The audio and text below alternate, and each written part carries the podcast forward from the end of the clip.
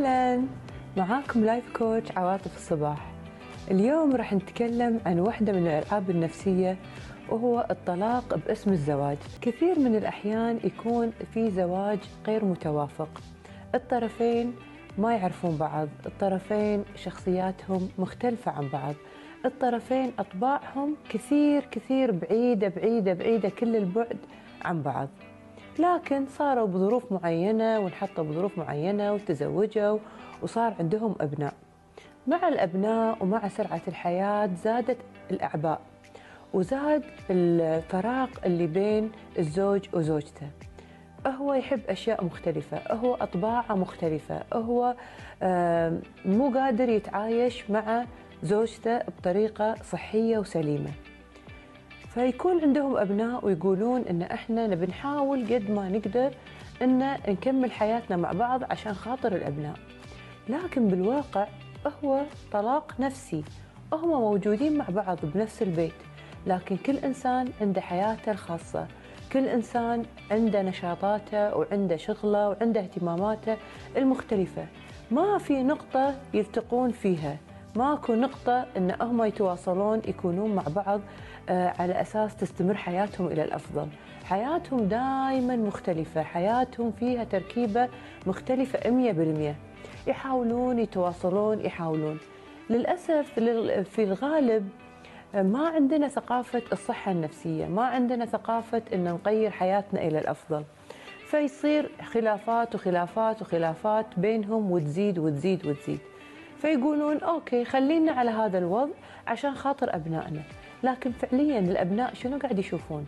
الأبناء قاعد يشوفون علاقة متوترة قاعدين يشوفون خلافات يومية قاعدين يشوفون إصراخ وساعات تعدي باللفظي وساعات قلة أدب ما لها داعي لأن كل واحد مو طايق الثاني كل واحد وده يصحى ثاني يوم من النوم ما يلاقي الطرف الآخر موجود معاه بنفس البيت.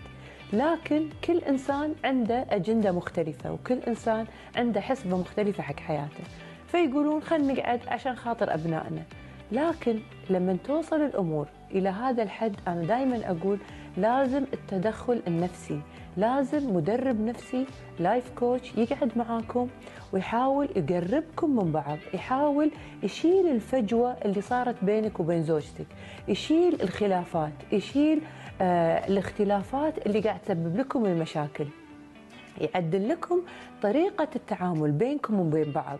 حاولوا الدول المتقدمة دائما عندهم مارج كونسلنج اللي هو الاستشارات بالعلاقات الزوجية. فيروحون يقعدون ويسمع الطرفين ويحاول يقربهم من بعض. لكن إذا وصلتوا إلى طريق مسدود وإذا حسيتوا الحياة مستحيل مستحيل مستحيل إنها تكمل مع بعض. لأنكم جربتوا كل الطرق وجربتوا ال coaching وجربتوا ال counseling بالاستشارات الزوجية مع مختص معين يقعد معاكم وما وصلتوا حق نتيجة.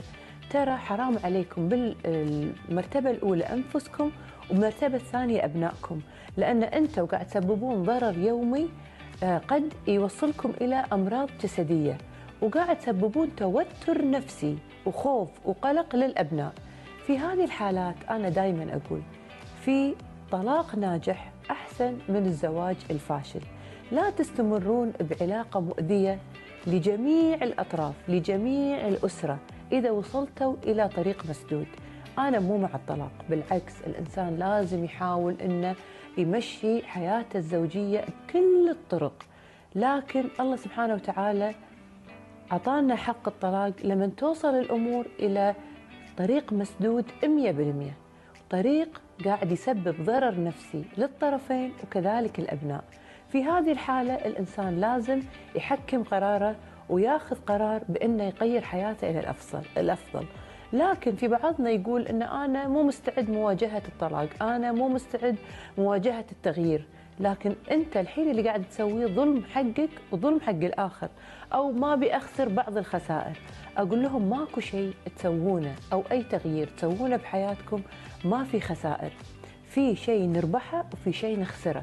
لازم نعرف إن ساعات بعض الخسائر تكون ربح حقنا لما أنا أشوف إنه والله مرحلة الطلاق خسارة قد تكون بداية جديدة حقي قد تكون بداية جديدة للطرف الآخر. وكذلك للأبناء أن يقدرون يكون عندهم تحصيل دراسي زين يكونون عايشين ببيئة آمنة ويكونون عايشين بحياة مستقرة.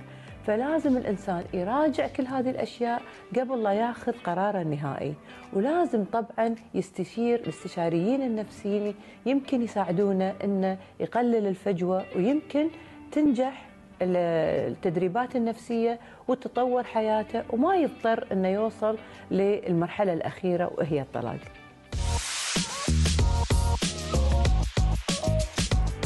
الحين وصلنا حق مرحلة سؤال وجواب آه، في أحد الأشخاص يسألني إن أنا قاعدة يصير لي مشاكل يومية آه، مع زوجتي وماني عارف شلون أوصل حق حل. أنا جربت الاستشارات الزوجية، رحت مرة ومرتين وثلاث. صار لنا على هذا الوضع أكثر من ست سبع سنوات. كل يوم أقول راح تتغير وضعنا إلى الأفضل، الفجوة اللي بيننا راح تصير أقرب، راح نحاول إن نطور حياتنا أنا وياها عشان نوصل لبر الأمان وأنا مو قادر.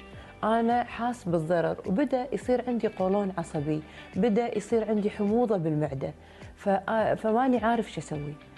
أه، لما تصير الأضرار النفسية تبتدي تتحول إلى أمراض جسدية هذا جرس الخطر وجرس الإنذار.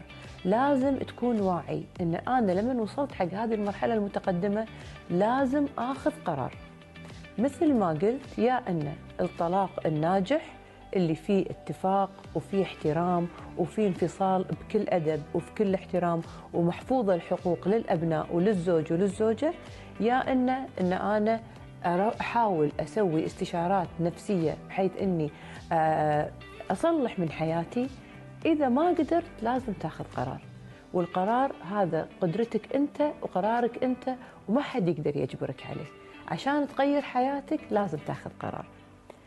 عندي بعد سؤال ثاني أه وحدة في مرحلة الخطوبة وتقول إن هي مو مرتاحة وإن هي الحين صار لها فترة طويلة وقاعدة مع بنفس الشخص بهذه فترة الخطوبة أكثر من سنتين وهي مو مطمنة حق هذا الزواج وتحس انه في فوارق كبيرة بينها وبين خطيبها وأهلها قاعدين يضغطون عليها إن تكمل في هذا الخطوبة وإجراءات الزواج. طبعا أقول لها إذا انت للحين ببر الأمان وإن انت للحين آه، ما خذيتي خطوة الزواج وما كونتي أسرة وبعده ما صار عندك أبناء وتحسين انت عندك وعي كبير وحاسة بالتفاوت بين شخصيتك وشخصيته، حاسة إن أنتم ما عندكم انسجام، آه، أفكاركم مختلفة، أطباعكم مختلفة، هواياتكم مختلفة، فمن البداية بدال لا ندخل إلى خطوة أصعب ونصعب حياتنا وندخل بمشاكل ومسؤوليات وأمراض نفسية وأمراض جسدية وتكبر المسؤولية ويكبر الهم. من الحين أحاول آخذ قرار إن ما دام أنا متأكدة 100% إن هذا ما راح يوصلني حق آه، زواج آمن، زواج صحي أو إني أكون أسرة صحيحة أحاول أتراجع واحاول آه، أفك هذه الخطبة بأقل آه، نوع من الضرر بكل احترام حقي وحق الطرف الآخر، لازم يكون عندنا تقبل حق آرائنا وحق تقبل حق الطرف الآخر.